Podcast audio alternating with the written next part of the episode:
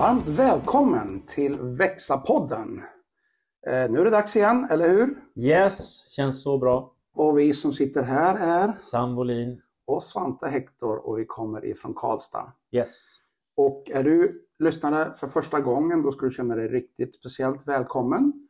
Och har du följt oss ett tag så så roligt att du vill vara med tillbaka igen. Yes. Du Sam, eh, vad tror du de här Växa-poddarna betyder för människor?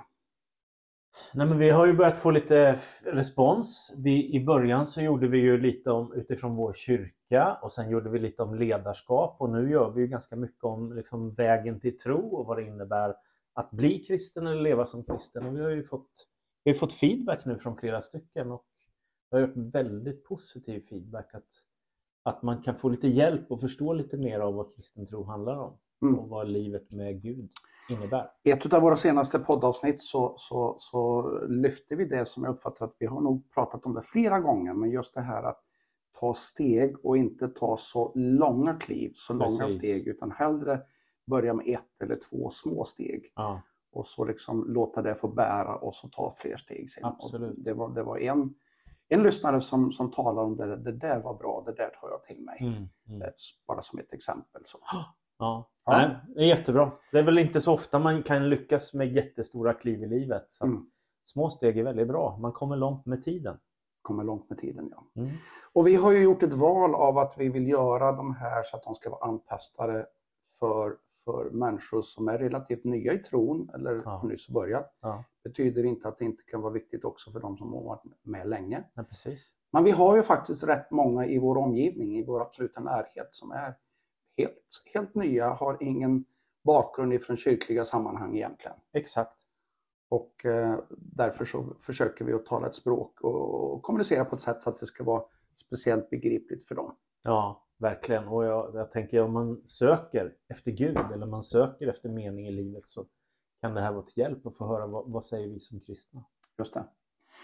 Och idag nu då, eh, Sam, Mm. eh, ska vi prata om ett väldigt, väldigt speciellt ämne. Yes. Eh, innan vi går in på det så ska jag bara kort liksom redogöra för eller säga någonting om, om eh, avsnitt som vi har haft förut. Mm. Vi har ju i den här senaste serien nu då så har vi talat om vem är Jesus? Mm. Vi har också tittat på den stora bilden, den stora berättelsen. Ja. Och apropå den stora berättelsen så har ju vi faktiskt tagit fram ett, ett sånt här litet material med hundra nyckelversar, Just det, bibeltexter. bibeltexter. Mm. Det kanske vi får anledning att återkomma om inte i detta, denna podd, kanske nästa. Då. Ja. Det finns ju i vår kyrka och heter som ett träd. Och det här kanske något som vi också ska lägga ut faktiskt på, på Växa-podden på Facebook där. Det kan vi göra. Så att eh, den som vill ha tillgång till det materialet är en hjälp. Men vi Mm. återkommer till det. Mm. Eh, sen talade vi om Guds drivkraft. Vad är det som driver Gud i allt han gör? Ja. Och eh, Johannes talar ju väldigt tydligt om att det är kärleken som är drivkraften. Yes. Och det första avsnittet för det här året, 2024, då, då, då samtalade vi om Guds nåd. Mm. Utan Guds nåd hade vare sig du eller jag suttit här. Nej, det är förutsättningen. Verkligen. Mm. Och sen har vi gjort ett par poddar här nu då om goda vanor så här i början på året. Eh, Att skapa de goda inre vanorna, Ja. det egna andaktsliv, de goda rutinerna för Ja. att ha bra balans i livet. Mm. Och så senaste avsnittet så handlar det då om goda vanor, att ge det vidare till andra. Ja, exakt. Bry sig om människor och dela evangeliet med andra. Mm. Om du som lyssnar inte har fångat upp de här tidigare poddarna så, så kan du gå in och kolla där poddar finns. Numera så finns vi ju eh, på flera olika ställen. Man kan hitta oss på karlstad.ping.se men också på, på Spotify exempelvis Ja. eh, eller podcaster eller Ja. liknande. Så. Exakt. Växa på den. Växa-podden, precis. Eh, så idag, dagens tema Sam, vad ska vi prata om idag? Idag ska vi prata om tro och dop. Så Mm. det blir ett spännande samtal Svante. Det känns jätteintressant. Det är ju något av det häftigaste jag vet. Är att få se människor bli döpta till Kristus när de har fattat ett eget beslut att följa Jesus. Eller att eh, få vara med och döpa människor som både du och jag har fått göra många gånger. Men du, det här med dop är ju någonting som återkommer egentligen i alla kyrkor på lite olika sätt. Ja, exakt. Och eh, vilken text, om du skulle läsa en bibeltext som liksom är, eller recitera en bibeltext som kanske är sådär jättetydlig eh, kring dop och tro. Mm. Vilken text skulle det vara? Ja, men vi har ju pratat om flera texter idag inför det här programmet Svante och jag tänker att en nyckeltext för mig är Romarbrevet det tionde kapitlet där aposteln Paulus skriver till de nykristna i Rom. Och det är en väldigt eh, häftig text därför att den svarar på frågan hur tro uppstår. Och sen svarar den också på något av hur kommer man då in i tron? Vad, vad ska man göra för att, för att bli en efterföljare till Jesus? Mm. Ungefär så. Mm. Kan inte du läsa? Absolut, det gör jag. Romarbrevet kapitel 10 och vers 9 så står det så här. Ty om du med din mun bekänner att Jesus är Herre och i ditt hjärta tror att Gud har uppväckt honom från de döda, ska du bli räddad. Hjärtats tro leder till rättfärdighet och munnens bekännelse till räddning. Skriften säger ju ingen som tror på honom ska stå där med skam. Det är ingen skillnad på jude och grek, alla har samma Herre. Och han ger av sin rikedom åt alla som åkallar honom. Ty var och en som åkallar Herrens namn ska bli räddad. Men hur ska de kunna åkalla den som de inte har kommit till tro på? Och hur ska de kunna tro på den som de inte har hört? Och hur ska de kunna höra utan att någon förkunnar? Hur kan någon förkunna utan att vara utsänd? Det står skrivet skönt ljuder stegen av de som bär bud om goda ting. Men alla lyssnade inte till budskapet, ty Jesaja säger Herre, vem satte tro till det vi förkunnade? Men så bygger tron på förkunnelsen och förkunnelsen på Kristi ord. Så står det i Nya Testamentet i Romarbrevet, det tionde kapitlet. Och det är väldigt fascinerande. Men du Sam, då måste jag fråga dig. Som pastor då, skulle du kunna tänka dig att döpa någon som, som, som kommer? Jag, jag vill bli döpt bara, punkt. Nej, det kan jag inte tänka mig utan jag tänker, jag, jag vill alltid ha dopsamtal eh, jag ser ju en del kyrkor annonsera så här drop-in-dop liksom, och drop-in-vigslar och grejer. Och för mig känns det helt främmande.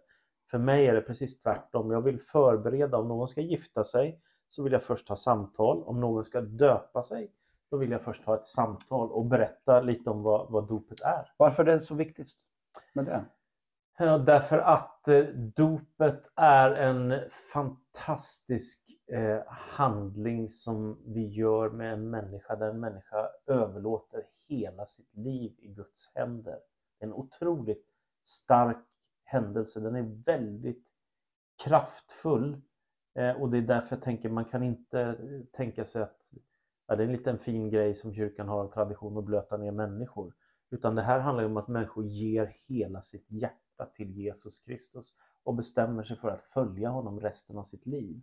Det är precis på ett sätt som en, om man ska jämföra med som att gå och gifta sig. Liksom. Du överlåter ditt liv till en annan människa och i det här fallet så överlåter du ditt liv till Gud. Mm. Så jag, jag är djupt skeptisk till att missförstå mig rätt och jag anklagar ingen men, men jag skulle aldrig tänka mig att ha drop-in dop eller drop-in vigsel. Utan jag vill veta att de här människorna menar allvar. Just det. Så det finns alltså, det behöver finnas en tydlig tro och en, ett, ett beslut någonstans att det här, jag tror och därför vill jag Exakt. ta det här steget. Exakt. Som en konsekvens av min tro. Ja, absolut. Och det häftiga är ju här då att Paulus svarar ju den här aposteln i, i, i den här texten i Romarbrevet 10 på hur tron uppstår. För det grubblade jag länge på. Liksom, varför blir en del människor kristna? Varför blir en del efterföljare till Jesus? Och varför så blir inte andra det? Och liksom, den där frågorna brottades jag mycket med. Och då säger ju Paulus så här att i tron bygger på förkunnelsen och förkunnelsen bygger på Kristi ord. Alltså när en människa får höra evangeliet om Jesus och, och Guds ande börjar verka i en människas hjärta så kan man helt plötsligt öppna upp sitt hjärta för evangeliet och komma till tro på Jesus Kristus som den han verkligen är enligt Nya Testamentet, Guds son och världens frälsare, som har gett sitt liv för oss på korset, burit våra synder och som har uppstått på tredje dagen och segrat över dödens makt, så att vi genom Jesus Kristus kan få frälsning, syndernas förlåtelse, gemenskap med Gud, ett evigt liv och, och del av församlingen och hopp om himlen. Liksom. Det, det är helt fantastiskt. Det är intressant det du säger, för, för du, gör en koppling mellan dopet i, i att överlåta sig och, och ingå förbund med Kristus. Exakt. Och eh, du gör en jämförelse mellan, mellan faktiskt det som händer när två människor eh, väljer att gifta sig. Ja. För då gör man ju också ett förbund med varandra och man, man, man avger varandra, löften till varandra Yes. att älska varandra i nöd och lust. Ja. Och liksom hänga ihop. Sen Ja. vet vi att en del misslyckas med det där. Ja, ja. Men liksom målet och intentionen är att liksom leva ett liv resten av livet. Ja. Försvara varandra till varje pris. ja, Eh, ha omsorg om varandra till varje pris. exakt. Och det är det ungefär samma sak som, som dopet innebär. Ja, jag tänker att det, det är förbunds, förbund, absolut. Det finns ju ett förbundstänk kring äktenskapet, att man ingår i förbund med varandra. Och det är absolut så att det är samma sak som dopet handlar om, fast du går in i förbund med Gud. Och det står ju om detta i Kolosserbrevet till exempel. Där, jämför, eh, där jämförs Gamla testamentets förbund med Gud med Israels folk och Nya testamentet förbundet med, med de som följer Jesus genom tro och att låta döpa sig. Så tron, tron kommer av predikan eller att människor får höra i söndagsskolan evangeliet om Jesus eller föräldrar som berättar om att de har kommit till tro på Jesus och så får barnen höra detta. Eller du kanske har levt i nyandlighet eller kommer från en annan religion eller något och så helt plötsligt så får du höra om, du kommer på en gudstjänst till exempel och får höra budskapet om Jesus. Eller gå på en grundkurs i kristen tro som alfakurs och så helt plötsligt så, så väcks tron. Ja, men jag tror ju på Jesus Kristus. C.S. Lewis eh, som var professor, han har en så här fantastisk eh, skildring när han i en bok som heter Överraskad av, av glädje, något åt det hållet heter den. Och då berättar han, han sätter sig på sin motorcykel på väg till ett zoo och när han sätter sig på motorcykeln så tror han inte på Jesus men när han är framme vid zoo så har han kommit till tro på Jesus. Mm. Alltså han har suttit och tänkt och helt plötsligt så inser han, jag tror att Jesus är Guds son. Mm. Jag tror att Jesus är världens frälsare. Så det vi egentligen säger här och, och på något vis kan slå fast utifrån vad Bibeln säger då, det är att, att tron är en förutsättning för att också kunna bli döpt på riktigt. Ja, jag skulle inte vilja döpa en människa som säger jag tror inte på Gud eller jag tror inte på Jesus. Då skulle jag inte vilja utföra ett dop utan jag tänker att dopet för mig kopplar väldigt tydligt till tron och det är ju vi har ju en annan bibeltext där också där Jesus säger i Markus kapitel 16, vers 15 och 16 så säger han den som tror och blir döpt ska räddas. Och Mm. för mig som baptistisk teolog då, eller pingstpastor så för, för mig är det liksom tron är grunden för dopet. Hur, Mm. så, så som jag tänker. Just det. Och, och med det sagt så, så kan vi konstatera att, att genom historien så har eh, olika praxis kommit till stånd. Ja, Och en del praktiserar då vad man kallar för do- barndop som Ja. sen bekräftas. i konfirmationen. tron bekräftas i konfirmationen. Exakt. Och eh, vi är inte ute för att debattera kring det, Nej, utan vi, vi försöker ta avstamp ifrån det vi ändå uppfattar utifrån det sammanhang där vi står då och Mm. framförallt utifrån vad, hur vi tolkar Bibeln. Då. ja precis. Exakt. Mm. Spännande. Ehm, Så vi har pratat lite grann om varför man ska döpas då. Eh, Delvis i alla fall som en konsekvens utav tron. Mm. För att ingå liksom ett nära, en nära, nära förbund, en djup relation Ja. som är en tydlig commitment. Ja. Eh, Det är liksom konsekvensen. ja. Vad tänker du om människor då som, som har en tro, eh, som, som har levt med en tro länge men ändå inte kommit till skott om att låta döpa sig? Som har väntat kanske av något skäl. Vad, vad, vad tänker du om det? Jag tänker, kom igen. Nej, för att jag, jag, jag, jag har tänkt mycket på dopet, eh, särskilt senaste tiden därför att vi har fått se många som har kommit till tro på Jesus. Mm. Eh, och jag, jag tänker att man måste tänka att dopet är en start på efterföljelsen till Jesus, livet med Gud. Det är inte ett VG på ett långt och perfekt kristet liv, utan det är starten. Alltså nattvarden till exempel, som vi också har regelbundet i våra kyrkor över hela världen. Det är ju återkommande. Det gör du gång på gång på gång. Du bekräftar ditt förbund med Gud i nattvarden. Men dopet gör du bara en gång. Och det är ju Det är inte ett betyg på att du är lyckad, utan det är nåden som verkar i ditt liv. Du får ta emot Guds nåd och förlåtelse. Du får ta, ta del av hans frälsning och därför så hör tron och dopet ihop. Jag tänker att, att det är klart att det blir så i vissa människors liv att man kommer till tro på Gud men ingen berättar så mycket om dopet eller eh, man går till någon kyrka där de väldigt sällan talar om dopet, ja men då, då kanske det dröjer ett massa år mellan att tron väcks och dopet kommer som en bekräftelse av tron. Men jag tänker det urkristna, det, ur, det som finns i urförsamlingen bland de första Jesus-efterföljarna, det är ju att man till, till exempel tar eh, pingstdagen i Jerusalem så är det ju att Petrus predikar, människor omvänder sig och kommer till tro på Jesus som Guds son och frälsare. Och då blir de döpta. Det är tusentals människor på en enda dag i Jerusalem. Och det gick ganska snabbt då ifrån att de kom ja. till insikt och ja. fattade sitt beslut till att de faktiskt döptes. Exakt. Nu hade de ju kanske en, en större, djupare förståelse än vad Precis. många människor i vårt sekulariserade samhälle har då. Absolut. Alla hade ju, tänker jag, liksom en judisk identitet och hade levt med hela det tänket kring mm. Guds storhet. Och...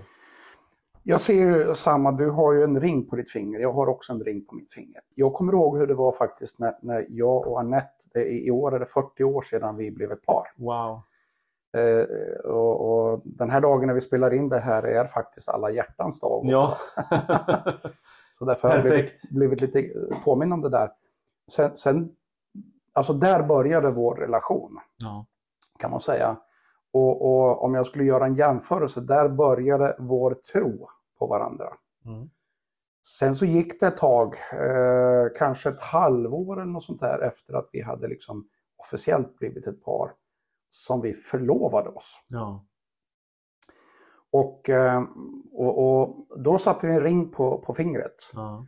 Och jag kommer ihåg, jag studerade på en annan plats och eh, efter att jag hade, vi hade förlovat oss och jag kom tillbaka till den platsen då, så konstaterade jag att det, det markerade någonting och jag såg lite reaktioner. Jaha, oj då, nu är du upptagen. Ja.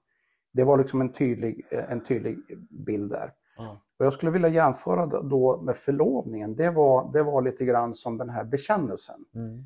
Eh, jag har kommit till tro, eh, ja, i det här fallet, vi, vi har kommit underfund med att vi, vi tycker om varandra, vi älskar varandra. Mm. Och vår avsikt är att vi ska gifta oss. Ja. Det är ju ungefär det förlovningen betyder. Ja. Och sen lite senare, något år senare, ett och ett halvt kanske någonting, så, så gifte vi oss. Mm. Och det var liksom den, den ultimata bekräftelsen på vår kärlek och vårt commitment mot varandra för resten oh. av livet. Ja.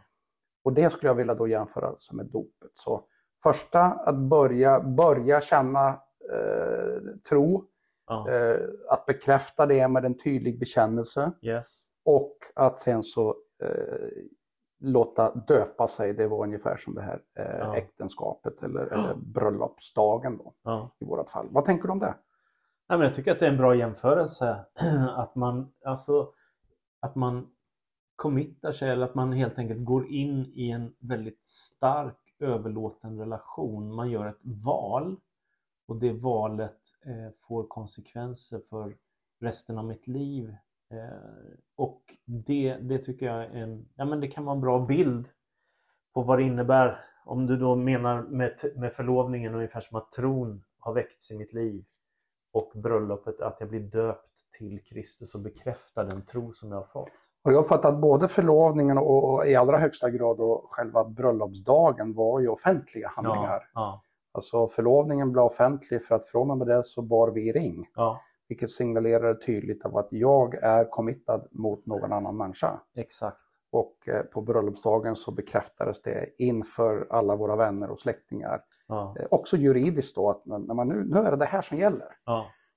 Och då tänker jag så här att i, i, också i den andliga världen ja så har dopet ungefär samma betydelse. Ja. Alltså, jag har ju varit med om många gånger med människor som har brottats, de har bestämt sig för att låta döpa sig. Så är det en enorm brottningskamp innan. Ja. Och när man väl har döpt sig sen, då är det som att då läggs det ett lugn. Vad beror det på tror du Sam? Därför att du fattar ett livsavgörande beslut. Det här, om du tar, om du tar Jesus på allvar Och med de anspråk som han har så kommer det påverka hela ditt liv. Resten av ditt liv kommer det att ha konsekvenser för. Så att jag tänker det är ett jättestort beslut och ett fantastiskt beslut att få ta. Att man kopplar upp hela sitt liv mot Gud istället för att bara låta åren gå och leva här själv bäst, bäst man kan. Så helt plötsligt så lever man sitt liv i relation med Gud. Och den här offentliga deklarationen kan jag tänka då, den, den, den har åtminstone ett par olika dimensioner. Mm. Den ena är ju inför vittnen, inför Ja. andra människor. Och det kan finnas skäl till att ha ett litet enskilt dop Ja. med några få vittnen eller att ha det i ett stort offentligt sammanhang. Ja. Eh, Precis som man kan ha med, med, med, med, med en vigsel. Då. ja. Men jag uppfattar också att en annan dimension är väldigt tydlig och det är i andevärlden. Mm. På något vis. Det finns ju änglar, det finns alltså Guds goda andevarelser, Mm. eh, sändebud, men det finns också eh, demoner eller fiendens eh, andevarelser. Ja. Och dopet har en klar och tydlig betydelse också i, i om man ska säga, hela andevärlden. Då. Ja. ja, men det är en bekännelse verkligen. Här, nu tillhör jag Jesus Kristus och jag är en del av den globala kyrkan som är världens största rörelse i mänsklighetens historia. Det är jättehäftigt. Och har jag överlåtit mig fullt till Kristus så är han min försvarare fullt ut. Ja, absolut. Du lever i nåden. Mm. Det är spännande. Det är spännande. Ja du Sam, eh, Jag tänker också på det där Matteus 28. Det kan väl vara bra att gå in på det som vi brukar kalla för missionsbefallningen. mm, Vad, alltså, hur döps man också? Vi har ju varit inne på det och, och då tänker jag att där säger Jesus gå ut i hela världen och predika evangeliet och sen så säger han låt er alla döpas i Faderns, Sonens och den helige Andes namn. Det, det är väldigt starkt. Och sen så säger han jag är med er alla dagar in till tidens slut. Så alltså det, det, liksom, det här gäller alla och han är med oss för alltid. Och sen så kallar han oss till dop. Och då har jag tänkt så här, det, det är en väldigt stark handling. Tänk att någon har uttalat Guds namn över mig och dig när vi Mm. blev döpta till Kristus. I Faderns, Sonens och den helige Andes namn. Alltså Guds namn har blivit uttalade över oss när vi har kommit till tro och blivit döpta i vatten, nedsänkta i vatten som ju vi praktiserar då.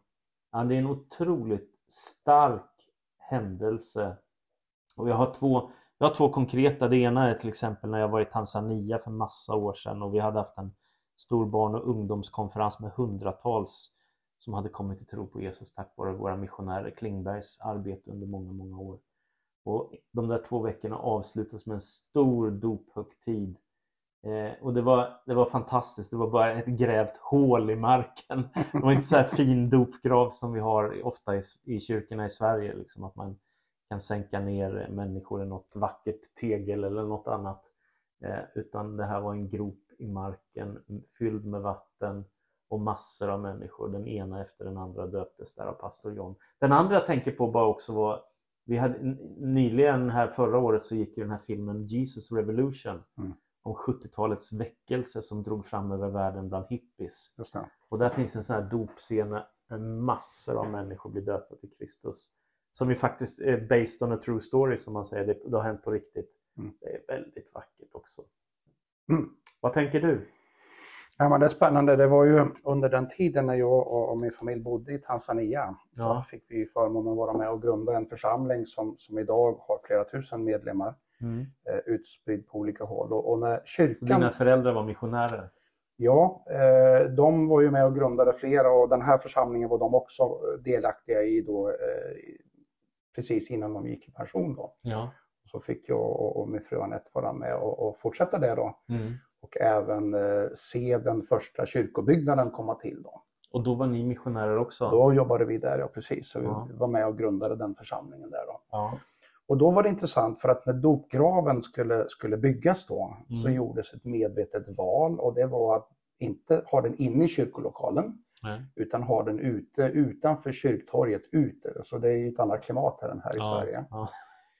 Och eh, det låg dessutom så, till, så tillvida lite grann på en höjd så att eh, eh, där dopgraven hamnade då, eller dopbassängen då, dopkällan kallade man den faktiskt också. Eh, det, den var väldigt synlig då. Ja. Ifrån en landsväg som gick förbi där. Så det fanns en tanke av att ja, men det här gör vi inte någon hemlighet i smyg. Utan det här, här döper vi människor i det offentliga. Ja. Och det var väldigt många som stannade till det när det var dop. Wow. Och varje, varje annandag jul var liksom en sån där standard. Då bjöd man in till dop. Oavsett om man visste att det fanns någon dopkandidat eller inte. Mm. Sen döpte man andra tider på året också. Mm. Men varje, varje annandag jul så hade man dop där. Fantastiskt. Eh, Så jag har många minnen utav det. var långa rader med människor som stod upp rader och väntade på att få döpas och, Ja. och sådär. Ja. Häftigt. Och de kyrkor som dina föräldrar har grundat, du sa någon gång till mig att det kanske är 10 000 medlemmar. Ja, men precis. Alltså det, det har vuxit och delat sig och knoppats av. Så att det, Så alla de här människorna har blivit döpta. Absolut, absolut. Mm. Det har ju varit en central del i trons bekräftelse. Eh, hyfsat tidigt i skedet då, att, att just få bli döpt då, Ja. eh, Vad till fint. Kristus. Och vi pratar också om själva sättet som vi döper. Vi i vår tradition då, baptistiska kyrkor, vi sänker ju ner människor under vattnet. Mm. Ofta, inte alltid, men ofta har människor också vita kläder på sig Mm. som, som någon slags illustration av att nu händer något dramatiskt i mitt liv här. Eh, Men vad tänker du? Vi har ju en bibeltext till där om Romarbrevet 6, Svante. Varför?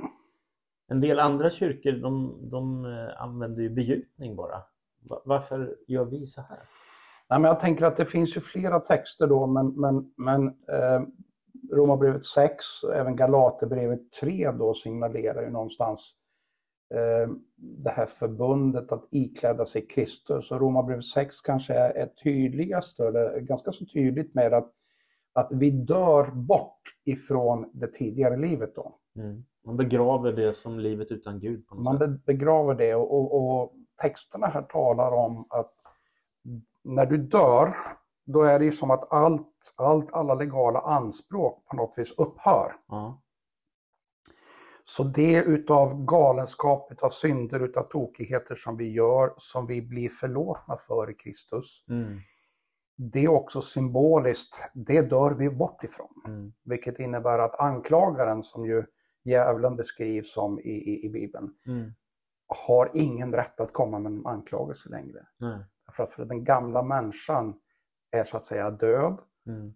begraven symboliskt sett och har uppstått med Kristus. Mm. Och när vi har uppstått med Kristus så har vi liksom iklätt oss Kristus som det står i Galaterbrevet 5, eh, eller Galaterbrevet 3 eh, och 26. Ja. Vi har iklätt oss Kristus. Och där står det även att, att det innebär inte bara att vi liksom på något vis blir ett med Kristus, utan det innebär också att vi, vi får del av det här löftet, det här, den här välsignelsen som, som Gud gav till Abraham redan. Vi blir kallade som för Abrahams barn. ja. Häftigt. Och då tänker jag så här att den här, den här symboliken i då Romarbrevet 6 exempelvis, då, att vi begravs, Ja. Den ser du absolut starkast när du, när du faktiskt har ett, vad vi kallar för nedsänkningsdop. Då. Bra. Man sänks ner i vattnet för ett ögonblick och sen så reses upp Mm. igen. Ja. Eh, Så symboliskt, man dör, begravs och sen så reses upp igen till ett nytt liv tillsammans med Kristus. Så Nya Testamentet kopplar samman det här på något sätt också med Jesu död och uppståndelse. Mm. Så det blir en slags illustration också. Nu lämnar vi ett liv utan Gud Mm. Och så uppstår vi till ett nytt liv i förbund med Gud. Precis som en vigsel, liksom, att man Mm. har en ring på sitt finger så nu istället så har du dopet som ett Mm. tecken på att du tillhör Gud. Jag tänker att för mig då så är det, eh, vi kanske ska läsa Romarbrevet 6 och 1-7, eh, Sam. Ja, Får gärna göra det, min röst är lite sådär ja halvdan. men det går jättebra. Då säger, då säger Romarbrevet 6 så här. Vad innebär nu detta? Ska vi stanna kvar i synden för att nåden ska bli större? Naturligtvis inte. Vi som har dött bort från synden, hur ska vi kunna leva vidare i den? Vet ni då inte att alla som har döpts in i Kristus Jesus också har blivit döpta in i hans död? Genom dopet har vi alltså dött och blivit begravda med honom för att vi också ska leva i ett nytt liv så som Kristus uppväxtes från de döda genom Faderns härlighet. Nu har vi blivit ett med honom genom att dö som han ska vi också bli förenade med honom genom att uppstå som han vi vet att vår gamla människa har blivit korsfäst med honom för att den syndiga kroppen ska berövas sin makt så att vi inte längre är slavar under synden. Till den som är död är frikänd från synden. Och jag tänker jag vill avsluta med att citera Romarbrevet 8 och 1 där det står så här. Nu blir det alltså ingen fällande dom för de som tillhör Kristus Jesus. Den andliga lag som gäller för livet i Kristus Jesus har gjort mig fri ifrån syndens och dödens mm. lag. Wow. Jag bara kom på den också, den kopplar ju till det här. Just det. Ja. Så, så den här tanken som, som, eh, som Paulus ger uttryck för här, att vi, vi dör bort ifrån någonting som mm. vi inte vill ha med att göra längre. Nej. Våra misslyckanden, våra synder och ja. så får vi istället eh, uppstå med Kristus. Och helt plötsligt har vi fått ta emot nåden och mm. frälsningen och barnaskapet hos Gud och bli, vi, vi tillhör honom. Och här är dopet oerhört starkt för det. Ja, ja. Mm. Så vi pratar ju också om då en del andra kyrkor de använder begjutning eh, och då konstaterade vi nu att liksom, ja, man kanske hade det att göra med historien att vattnet blev så kallt och kyrkor var inte uppvärmda och så. Men på något sätt det, det, det är starkare att, att illustrera just genom ett nedsänkningsdop tycker jag. Jag, jag tänker att, att, det finns ju i Bibeln ett antal undantag för, för, för liksom principer. Ja. Alltså Jesus, han var insisterad på att han skulle bli döpt. Ja. Och eh, alla, ja, men hans lärjungar döpte andra och vi ser det, det är återkommande rätt genom hela Nya Testamentet. Mm. Ändå är det så här att när, när han hänger på korset och så har han två rövare som hänger bredvid sig själv. Mm. Och den ena, ena rövaren han liksom är kaxig. Men den andra är ödmjuk och säger tänk på mig. Ja. Och det är som att Jesus gör vad vi ibland kallar för ett pastoralt undantag. Ja. Han säger, redan idag ska du vara med mig i paradiset. Mm. Där är omständigheterna så. Ja. Att det är liksom inte riktigt praktiskt möjligt att, att klättra ner från korset och ha ett dop där. det går inte. Och då är Guds nåd tillräckligt stor ändå. Ja, så att eh, ja, men vi har en princip, vi har, vi har ett mönster och sen så, så så verkar det som att Gud är nådefull att absolut. göra undantag när det, när det liksom finns omständigheter för det. Då. Ja, absolut. Mm. Du Sam, vi har berört flera viktiga frågor. Varför ska man döpas? Eh, ja, som, ett, som, ett, som en konsekvens av tron som först har kommit till. Ja. Eh, vi har pratat lite grann om vad dopet innebär. Vi har ja. pratat också hur man kan döpas. Ja. Eh, det vi kanske har berört något men som jag tänker ändå vi borde göra, säga något mer om innan vi avslutar det är ju när ska man döpas? Ja, precis. Vad tänker du om det Sam? Ja, men då tänker jag för min del då att där är ju tron på Gud väldigt avgörande. Eh, alltså jag tänker en ingång är att förstå det som Hebreerbrevet 11 till exempel säger, tro förstår vi att världen har formats genom ett ord från Gud. Liksom att det grunden är ju att vi tror på Gud som universums skapare. Vi bekänner Jesus Kristus som frälsare och Herre, tror på honom som Guds son. Eh, vi vill öppna vårt liv för den heliga Ande, vi vill bli del av den kristna kyrkan, vi vill börja läsa Bibeln och be och ta emot nattvard och allt. Alltså det, för mig är det verkligen ett liv att leva, att bli en efterföljare till Jesus. Det är därför jag tycker det är så oerhört starkt med dopet och, och för min personliga del då så tänker jag att det är väldigt bra att man ja, hur ska man säga detta? Nej, men liksom att, man, att man personligen har funnit en tro och bekräftar det med ett dop, det tycker jag är det, åtminstone törs jag säga att det är det starkaste sättet att bekräfta. Mm. Eh, sen är inte jag ute efter att underkänna någon annan eller säga att du gjorde fel, utan det är inte det som är min poäng. Men om vi ska, om, om vi ska säga vad är, hur, tycker, hur tycker vi att det vackraste sättet är att gestalta detta? Jo, när jag upptäcker tron på Gud, att jag bekräftar det genom ett dop, precis som vi säger att nej men det, det är som en vigsel, liksom, att jag, nu ger jag bort mitt liv. Och är finare än att faktiskt då döpas in i församlingen eller kyrkans gemenskap? Ja, ja exakt. exakt. Och det, när jag har läst kyrkohistoria så har jag uppfattat att de 500 första åren så var troendedop då det, den stora praktiken. Så, så mm. har det varit. Sen idag finns det ju två olika sätt att döpa människor som barn och som troende och så vidare. Men, men jag uppfattar liksom de första århundradena så är det detta som vi kallar för baptistisk dopsyn då, som, som är det stora så att Mm. säga.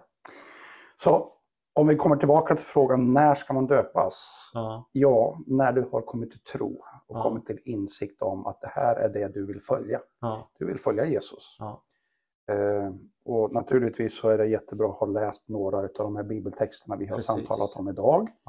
Eh, kanske det här podden kan vara till hjälp för någon som, som brottas och eh, vi, kan, vi kan faktiskt lägga ut några av de här texterna eh, eller referenser till det på, på, eh, på Växa-poddens Facebook-sida också. ja absolut. Annars har vi ju citerat några av de här också då, Ja, ja verkligen. viktiga. Ja, Så att inte vänta för länge är bra. precis. Ja, Eh, Och sen kan det vara så här om någon inte är myndig ännu så kan det ju vara så att föräldrarnas medgivande eh, är Ja. högst lämpligt. absolut. Då får man ju vänta tills man är 18 år.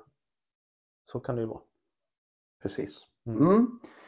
Ja, vad är då ditt nästa steg? Du som har lyssnat. Hoppas du har fått med dig något viktigt. Kanske är du så här att du står och funderar över är det här mitt nästa steg? Ja. Ja, men rekommendationen, vad är den Sam? Ja, men rekommendationen är att praktisera det som Nya Testamentet säger. För det här är ju inte bara vad vi sitter och pratar om utan det här är ju en global kyrka vi pratar om som alla kyrkor utom något enda samfund praktiserar ju dop. Och då är det lämpligt att ta kontakt med pastorn i sin kyrka. Ja, det kan man göra. Eller en ungdomsledare. Eller en någonting ungdomsledare, någon- någon man har förtroende, Förtroende för. för. Och tala- sen tänker jag innan man döps så ska man ha ett dopsamtal så man förstår vad det här handlar om. Mm. Sen, är, sen är det ju starten på livet med Gud och efterföljelsen till Jesus. Så man behöver inte efteråt underkänna sitt dop för att man var 13 år och tyckte att jag var för ung eller visste för lite eller sådär. Alltså, men trodde du på Gud och ville följa Jesus, det räcker. Mm, eller, det. Så, jag tänker liksom, man ska inte heller underkänna det man har varit med om. Just det. Har du, det var som vi tänkte Sam, det tog en bra stund att prata om det här med dopet. Eh, Men en av de absolut viktigaste stegen i efterföljelse på Jesus, till Jesus. Eh, Verkligen. Så att eh, det kanske var värt då. Ja, verkligen. verkligen. Så ditt nästa steg, du som lyssnar, kanske är det att faktiskt eh, fundera på om du ska låta döpa dig. Kanske ta kontakt med din pastor eller din ledare Ja. eh, för att, att ha ett dopsamtal och sen så inte vänta längre. Nej. Eller fördjupa din eh, kunskap om dopet och läsa mer om de här bibeltexterna vi har pratat om så att man också påminns om vad är det jag har gjort för någonting och minnas att det här det är så ofattbart befriande att Jesus Kristus har gjort allt färdigt för oss. Mm. Gud har sträckt sig mot oss. Jag behöver inte försöka klättra till himlen för det klarar jag inte. Men Jesus har gjort allt färdigt för oss så att vi kan få ta emot nåden och förlåtelsen och frälsningen. Relationen till Gud kan läkas. Det är ofattbart stort. Mm. Och det, får, det har ett evighetsperspektiv också. Wow. Det får bli slutorden Ja, idag. ja. Eh, fantastiska slutord. Tack för att du har följt oss idag och lyssnat på oss. Har du frågor så hör av dig. Yes, Eh, vi, våra kontakter finns på karlstad.pingst.se. yes. Och eh, nästa podd, Sam, då ska vi prata om trons lilla gemenskap. Ja, exakt. Och dela Eh. tron med andra. Precis. Ehm, så tills dess, eh, ha det riktigt bra. Lycka till med dina steg som du ska ta. Och så hoppas jag att vi snart ses igen.